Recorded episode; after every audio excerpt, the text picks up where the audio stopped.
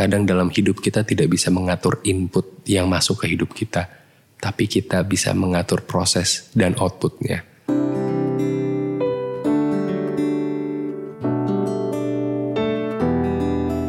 Hai, gue Wisnu Kumoro dan selamat datang kembali di Bedtime Story Podcast season kedua. Dan ya, akhirnya Bedtime Story Podcast ada season keduanya. Setelah season pertama tahun 2018 sampai 2019, hanya 10 episode aja. Dan sekarang berlanjut di season kedua yang jumlahnya kita lihat saja bersama-sama nanti ada berapa episode yang jelas sudah gue persiapkan. Dan terima kasih kepada teman-teman yang antusias sekali meminta season keduanya segera dibuat. Dan gue akan bercerita sedikit kenapa prosesnya begitu lama dari season 1 ke season 2. Tapi sebelum itu, gue mau berkenalan sedikit untuk mungkin teman-teman yang belum tahu apa itu Bedtime Story Podcast. Jadi, di Bedtime Story Podcast, gue, Wisnu Kumoro, akan mendongengkan cerita kepada kalian dan Cerita-cerita itu memiliki topik yang berbeda-beda di tiap episodenya, di mana setiap cerita itu tidak ada yang menyenangkan, tidak ada yang membahagiakan. Tapi gue harap bisa melegakan bagi yang mendengarkan, karena memang cerita-cerita yang gue angkat adalah cerita yang mungkin bagi sebagian orang cuma disimpan rapat-rapat di kenangan-kenangan mereka. So, melalui podcast ini, gue mengembrace orang-orang, ayo kita bicarakan hal-hal yang selama ini kalian simpan, agar kalian bisa lebih lega dan lebih mengambil hikmahnya dari itu semua. Jadi ayo mari kita buang cerita. Lalu apa yang membedakan antara season 1 dari Bedtime Story Podcast dengan season keduanya kali ini? Jelas dari pemilihan topiknya akan berbeda, jadi silahkan dipantengin terus nih podcast dari Bedtime Story ini. Dan juga mungkin nanti akan ada bintang tamu, bisa aja, jadi tunggu aja. Dan cerita yang dibawakan juga nggak melulu cerita dari gue karena mungkin aja cerita itu berasal dari kalian. Karena udah banyak juga yang ngirimin cerita ke gue dan lagi gue pilih cerita yang mana yang akan gue angkat di episode berikutnya. Jadi tungguin aja semua sudah gue persiapkan dengan baik dan untuk jumlah episodenya mungkin jumlahnya tidak akan berbeda banyak dibandingkan season 1. Season 1 cuma ada 10 episode dan mungkin season 2 ini jumlahnya ya maksimal mungkin 20 aja kali ya. Dan kalau ada yang nanya nih, kenapa sih jumlah uh, episodenya tuh nggak banyak?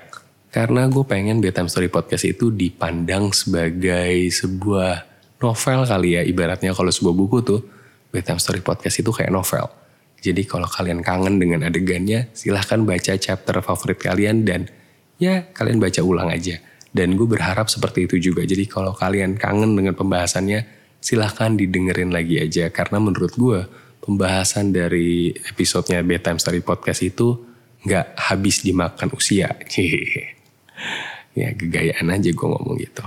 Tapi memang harapan gue seperti itu karena Bedtime Story Podcast bukan koran yang diupdate setiap harinya karena memang cerita buruk mungkin tidak terjadi setiap harinya.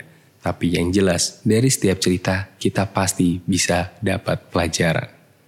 Begitupun di episode kali ini, cerita yang mau gue angkat adalah cerita yang relate dengan alasan kenapa Bedtime Story Podcast Season 2 ini mulainya lama banget. Kenapa nggak dimulai segera, tapi kenapa baru sekarang? Butuh proses berbulan-bulan untuk seorang Wisnu Kumoro menyiapkan Bedtime Story Podcast Season 2 dan kenapa? Jadi, Bedtime Story Podcast Season kedua itu mengalami gue nyebutnya keterlambatan dalam hal produksi dan penyiapan sebenarnya karena gue Wisnu Kumoro mengalami burnout. Yes, it happened to me. Gue burnout.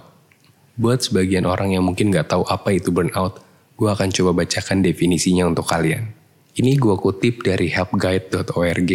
Burnout adalah semacam kelelahan dalam hal emosional, mental, dan fisik yang disebabkan oleh stres yang lama dan berkepanjangan dan merupakan reaksi dari emotionally drain karena gagal untuk memenuhi constant demands dalam hidup. Ya, itu adalah definisinya. Jadi kurang lebih bisa dibilang bahwa dalam proses penyiapan dari Bedtime Story Podcast season kedua ini, gue mengalami kelelahan mental, fisik, dan juga emosional.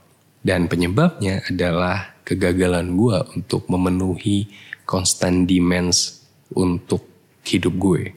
Dan constant demands ini sebenarnya berlaku relatif untuk tiap orang. Ada yang bisa berupa value, ada yang juga bisa berupa time atau waktu, atau merupakan kombinasi keduanya. Contohnya adalah misalkan orang-orang pekerja di kantor, mungkin constant demands mereka adalah KPI pekerjaan, atau juga target pekerjaannya, atau mungkin mahasiswa yang punya target uh, deadline skripsi, atau nilai mata kuliah, atau juga para pelajar yang punya deadline kuliah, deadline tugas atau nilai mata pelajarannya dia atau juga dalam hal finansial seperti uh, deadline bayar hutang atau jatuh tempo pembayaran atau mungkin related sama relationship misalkan uh, deadline untuk menikah atau juga deadline punya pasangan dan itu semua adalah constant demands yang tiap orang berbeda-beda tapi tiap orang pasti punya. Dan begitupun gue, gue juga punya constant demands yang harus gue penuhi setiap bulannya, setiap minggunya, setiap harinya. Dan ya kadang-kadang juga gue gagal untuk memenuhi constant demands itu. Dan kegagalan memenuhi constant demands itu membuat gue menjadi stres. Dan stres ini larut-larut-larut dan akhirnya menyebabkan burnout. Dan ya, burnout ini mungkin mulai populer karena banyak YouTuber yang mengalami burnout, kemudian banyak konten kreator yang juga mengalami burnout. Uh, meskipun juga ada yang bikin bercanda tentang burnout ini, makanya mereka bikin konten tentang pamit, kemudian kembali lagi dua hari kemudian. Tapi percayalah, burnout is a real thing. Burnout ini terjadi pada banyak orang, meskipun mereka tidak sadar.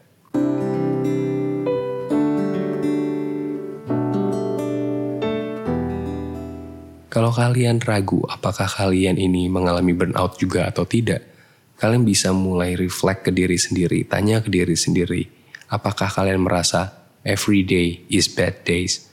Kalau memang iya, mungkin itu adalah salah satu gejalanya karena memang orang yang mengalami burnout itu mulai kehilangan antusiasme terhadap apa yang dilakukan sehari-hari. Burnout membuat orang menjadi merasa kalau kita peduli dengan apa yang kita lakukan, itu sama seperti buang-buang energi aja.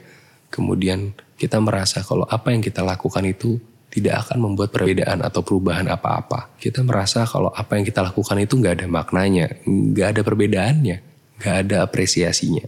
Bahkan lebih parahnya lagi mungkin membuat kita menjadi sulit tidur, kemudian kita juga mulai jadi gampang sakit. Mungkin gampang kelihatannya kayak gampang pusing, nyeri di badan, kemudian sakit flu, itu sering banget bahkan nggak termotivasi untuk ngapa-ngapain dan kalau lagi sendirian tuh bener-bener ngerasa sendiri total kayak nggak ada orang yang support nggak ada orang yang paham tentang kita. Dan tanpa kita sadari pelan-pelan kita mulai ketergantungan sama hal-hal yang menjadi alat penenang kita tanda kutip gitu ya. Misalkan tadinya minum kopi cuma sekali-sekali tapi lama-lama jadi mulai kecanduan kafein kecanduan kopi. Mulai jadi lebih sering ngerokok gitu Kemudian juga kalau kalian meminum alkohol jadi makin sering lagi minum alkoholnya. Well, itu adalah gejala-gejala dari burnout. Kalian harus hati-hati. Karena berbeda dengan stres yang mungkin kelihatan dari sisi fisik, burnout ini memiliki dampak yang sedikit berbeda. Stres itu biasanya berujung pada anxiety disorder atau kecemasan, jadi terlihat secara fisik. Rasanya tuh seperti over engagement. Sedangkan kalau burnout itu kebalikannya rasanya tuh seperti detachment, seperti depression. Jadi malah bukan meledak-ledak, tapi impactnya lebih ke dalam. Membuat orangnya mungkin kelihatan jadi lebih tenang, tapi di dalamnya itu rasanya jadi hampa, jadi hambar. Jadi berbeda sekali dengan stres yang kelihatan marah, terlihat seperti terbakar gitu ya, kayak kebakar api. Tapi kalau burnout itu udah angus, udah nggak ada apa-apanya, udah hilang, udah nggak ada rasanya. Dan kalau burnout berlarut-larut, kalian bisa tebak apa yang akan terjadi pada dia? Ya, bisa berujung pada penyakit-penyakit mental lainnya yang lebih parah. Salah satunya adalah depression.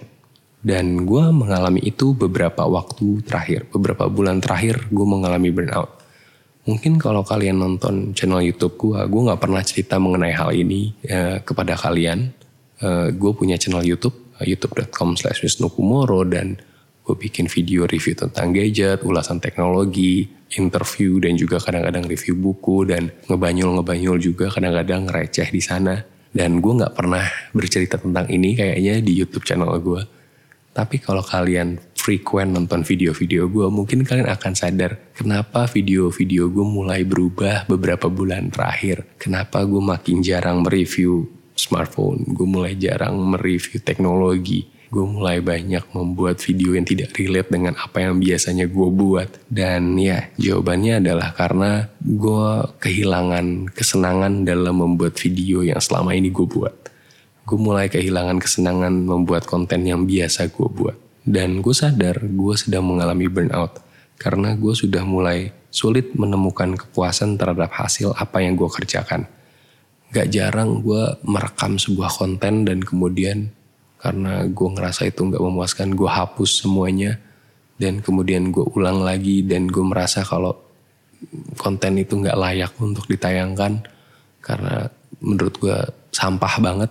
Padahal menurut gue kalau dipikir-pikir lagi sekarang ya ketika gue udah keadaannya membaik itu nggak nggak jelek-jelek amat juga gitu ya.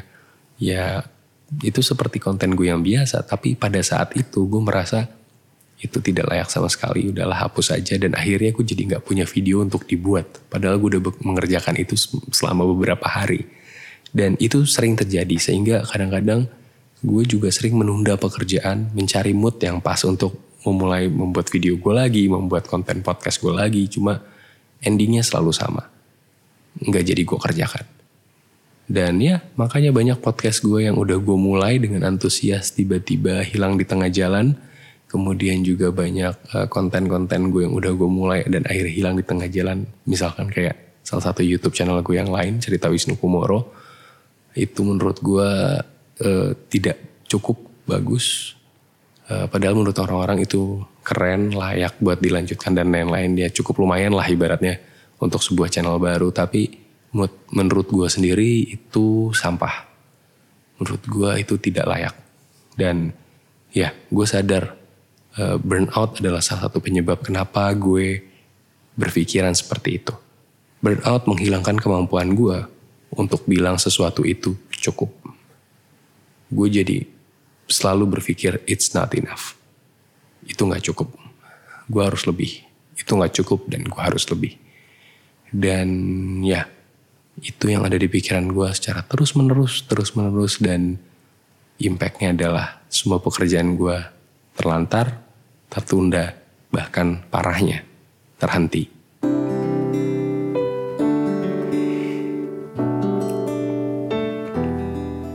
dan sebenarnya nggak mudah untuk gue mengakui hal ini karena uh, ini bisa dianggap sebagai kelemahan oleh sebagian orang kenapa ya Wisnu Kumoro ini mau banget sih cerita kelemahan dia secara terbuka di podcastnya gitu. Tapi kalau gue memandangnya malah I showing you my power. Di mana gue mau untuk mengakui kelemahan gue dan gue mau memperbaiki kelemahan gue itu. So I don't mind if people know that I'm burnt out. It's okay. Dan ini adalah salah satu upaya gue untuk menyembuhkan burnout gue karena kalau ditanya ke gue how to solve the burnout. Gue gak punya jawaban ultimate untuk itu. Karena gue pun masih ada habitual burnout. Gue masih sering mengalami burnout secara berulang karena memang ini adalah sebuah proses panjang. Ini adalah sebuah perjalanan yang memang gue sendiri belum selesai. Gue gak bisa bilang gue 100% sehat. Cuma gue bisa melakukan beberapa hal untuk meredam itu, mengurangi hal itu. Dan ini yang akan gue share di podcast kali ini untuk kalian yang mungkin mengalami hal yang sama dengan gue. Kalau kalian browsing, how to solve burnout, mungkin kalian akan menemukan artikel-artikel dari berbagai website dan kurang lebih isinya sama. Tidur yang cukup, gaya hidup sehat, dan ya bla bla bla bla bla bla. Dan to be honest, ketika gue baca itu gue cuma merasa, ini orang yang nulis pernah ngerasain burnout atau enggak ya? Karena untuk orang-orang yang burnout ini baca gitu tuh ngerasanya kayak itu tidak akan merubah apa-apa. Ini nggak cukup, nggak ada efeknya untuk gue. Itu yang gue rasakan ketika membaca artikel itu. Gue bingung apakah mereka nulis itu berharap gue akan termotivasi untuk melakukan apa yang mereka bilang. It's a bullshit for people who feel the burnout gitu. Maksudnya aneh banget uh, penyampaiannya, gaya gaya tulisannya. Kalau mungkin dibaca oleh orang yang nggak tahu apa itu burnout dan kondisi mereka sehat walafiat, mungkin oh it's a new thing, ini adalah hal baru untuk diketahui. Tapi ketika orang lagi mengalami itu, baca itu tuh bawaannya jadi kesel. jadi kayak ngerasa kalau uh, ini orang-orang ini sotoy sekali gitu. Tapi ada beberapa poin yang setelah gue telah ah lagi sebenarnya ada benernya tapi kok kayak kurang empati aja gitu contohnya adalah pembahasan tentang social contact orang-orang yang burnout ini kalau mau solve burnoutnya disarankan untuk memperbanyak social contact. Uh, padahal orang-orang yang burnout ini ngerasa kalau apa pun yang mereka lakukan itu sebenarnya nggak ada nggak ada value-nya lagi. Social contact itu termasuk salah satunya. So It's really hard to contact people di saat lo ngerasa kayak gitu. Dan apalagi orang Indonesia, ketika kita cerita tentang apa yang kita alami, keresahan yang kita alami, mereka cenderung membenarkan kesalahan-kesalahan kita. Kita cenderung dikoreksi, kita cenderung direvisi, kita di, oke okay lah bahasa mereka dinasehati, diberi masukan. Well, actually nggak butuh. Kita nggak butuh itu.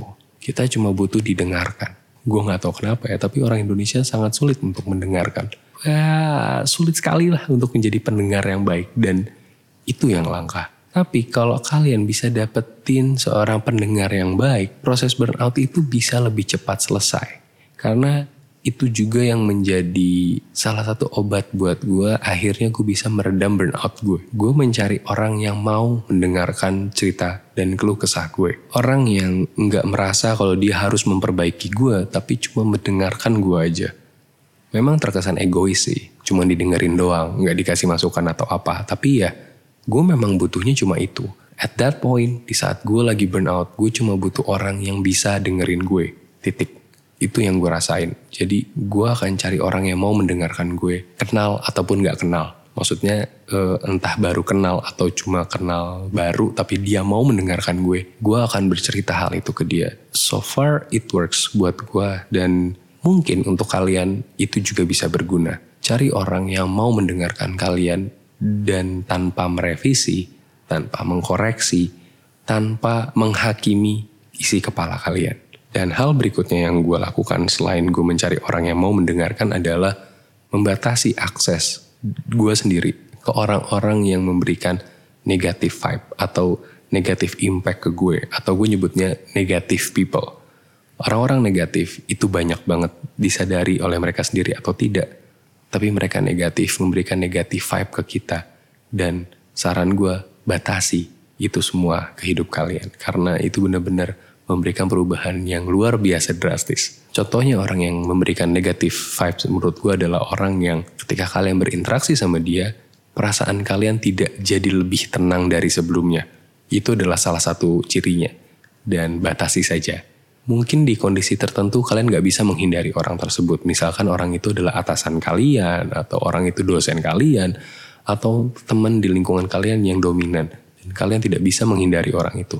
Kalau tidak bisa dihindari, batasi. Usahakan seminimal mungkin interaksi dengan dia di saat lagi burnout. Kalaupun harus berinteraksi, usahakan interaksinya seoptimal dan seefisien mungkin supaya nggak usah berulang bertemu dia, nggak usah berinteraksi terlalu lama. Tapi e, tujuannya sudah tercapai gitu. Misalkan disuruh bikin laporan sama dia, usahakan laporannya sesuai kemauan dia supaya nggak perlu berkali-kali ketemu dia untuk revisi laporan dan lain-lain. Dan juga bukan nggak mungkin dalam proses itu kalian lebih baik mencari teman baru aja sekalian.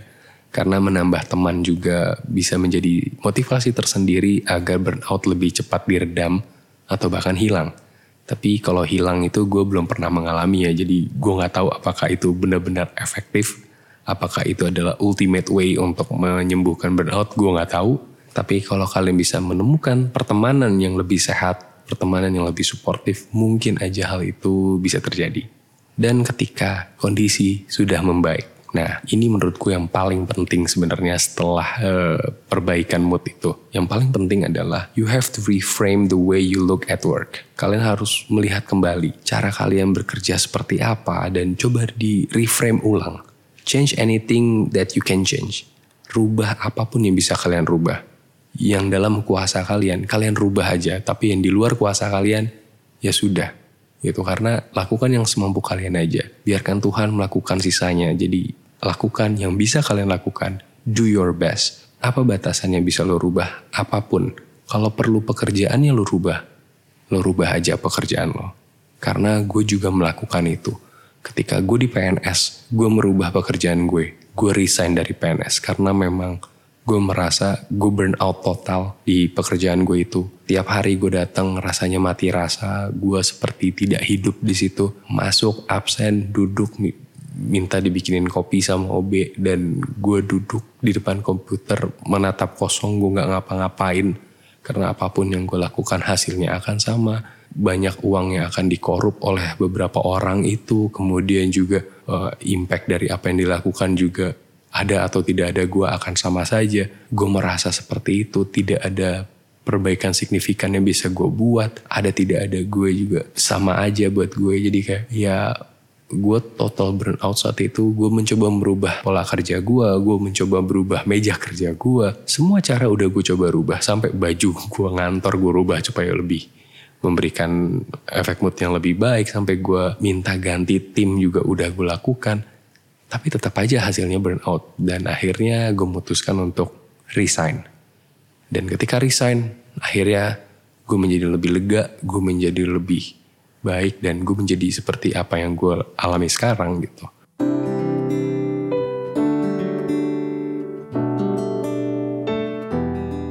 Sekalipun gue mengalami burnout lagi, tapi burnout itu tidak sebesar dulu waktu gue di PNS dulu burnoutnya luar biasa sekali. Segala aspek hidup gue rusak rasanya.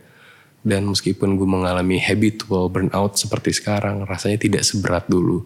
Jadi gue merasa ada perbaikan kualitas hidup gue dan ya memang burnout itu tidak bisa sekali hilang menurut gue. Jadi habitual akan terjadi lagi, cuma kadarnya lebih tipis, lebih tipis dan lebih tipis. Dan juga dalam proses yang panjang itu ada baiknya kita untuk mengevaluasi kembali prioritas-prioritas hidup kita. Reevaluate priorities. Karena memang banyak hal dalam hidup kita yang harus kita evaluasi kembali seberapa penting itu berdampak ke hidup kita. Kita harus mulai belajar untuk bilang tidak. Set the boundaries. Kalau memang harus bilang no, ya bilang no.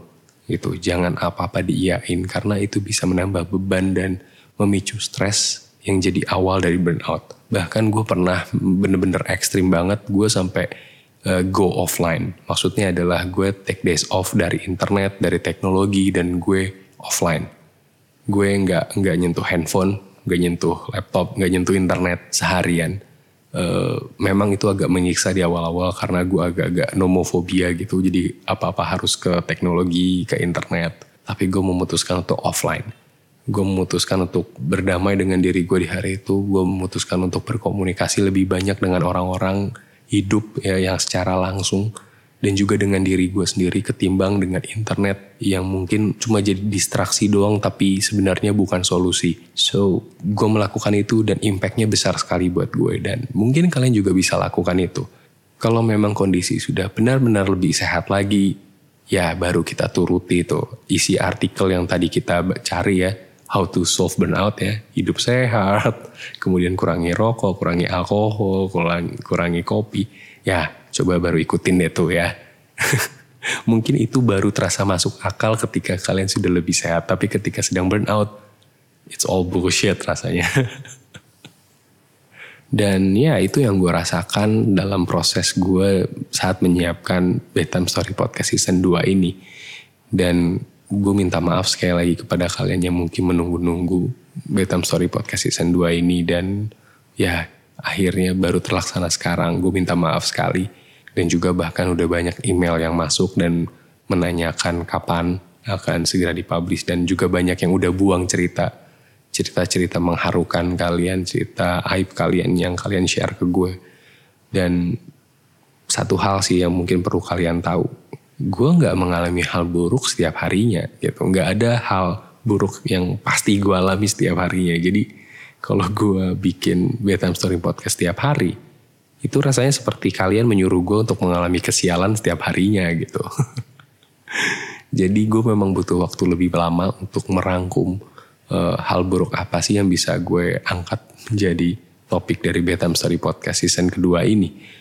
Dan ya gue memang butuh waktu dan saat ini gue udah siap, gue udah menyiapkan beberapa episode yang nantinya akan lebih seru lagi, akan lebih relate lagi semoga kepada kalian dan semoga kalian juga suka dengan topik-topik barunya nanti.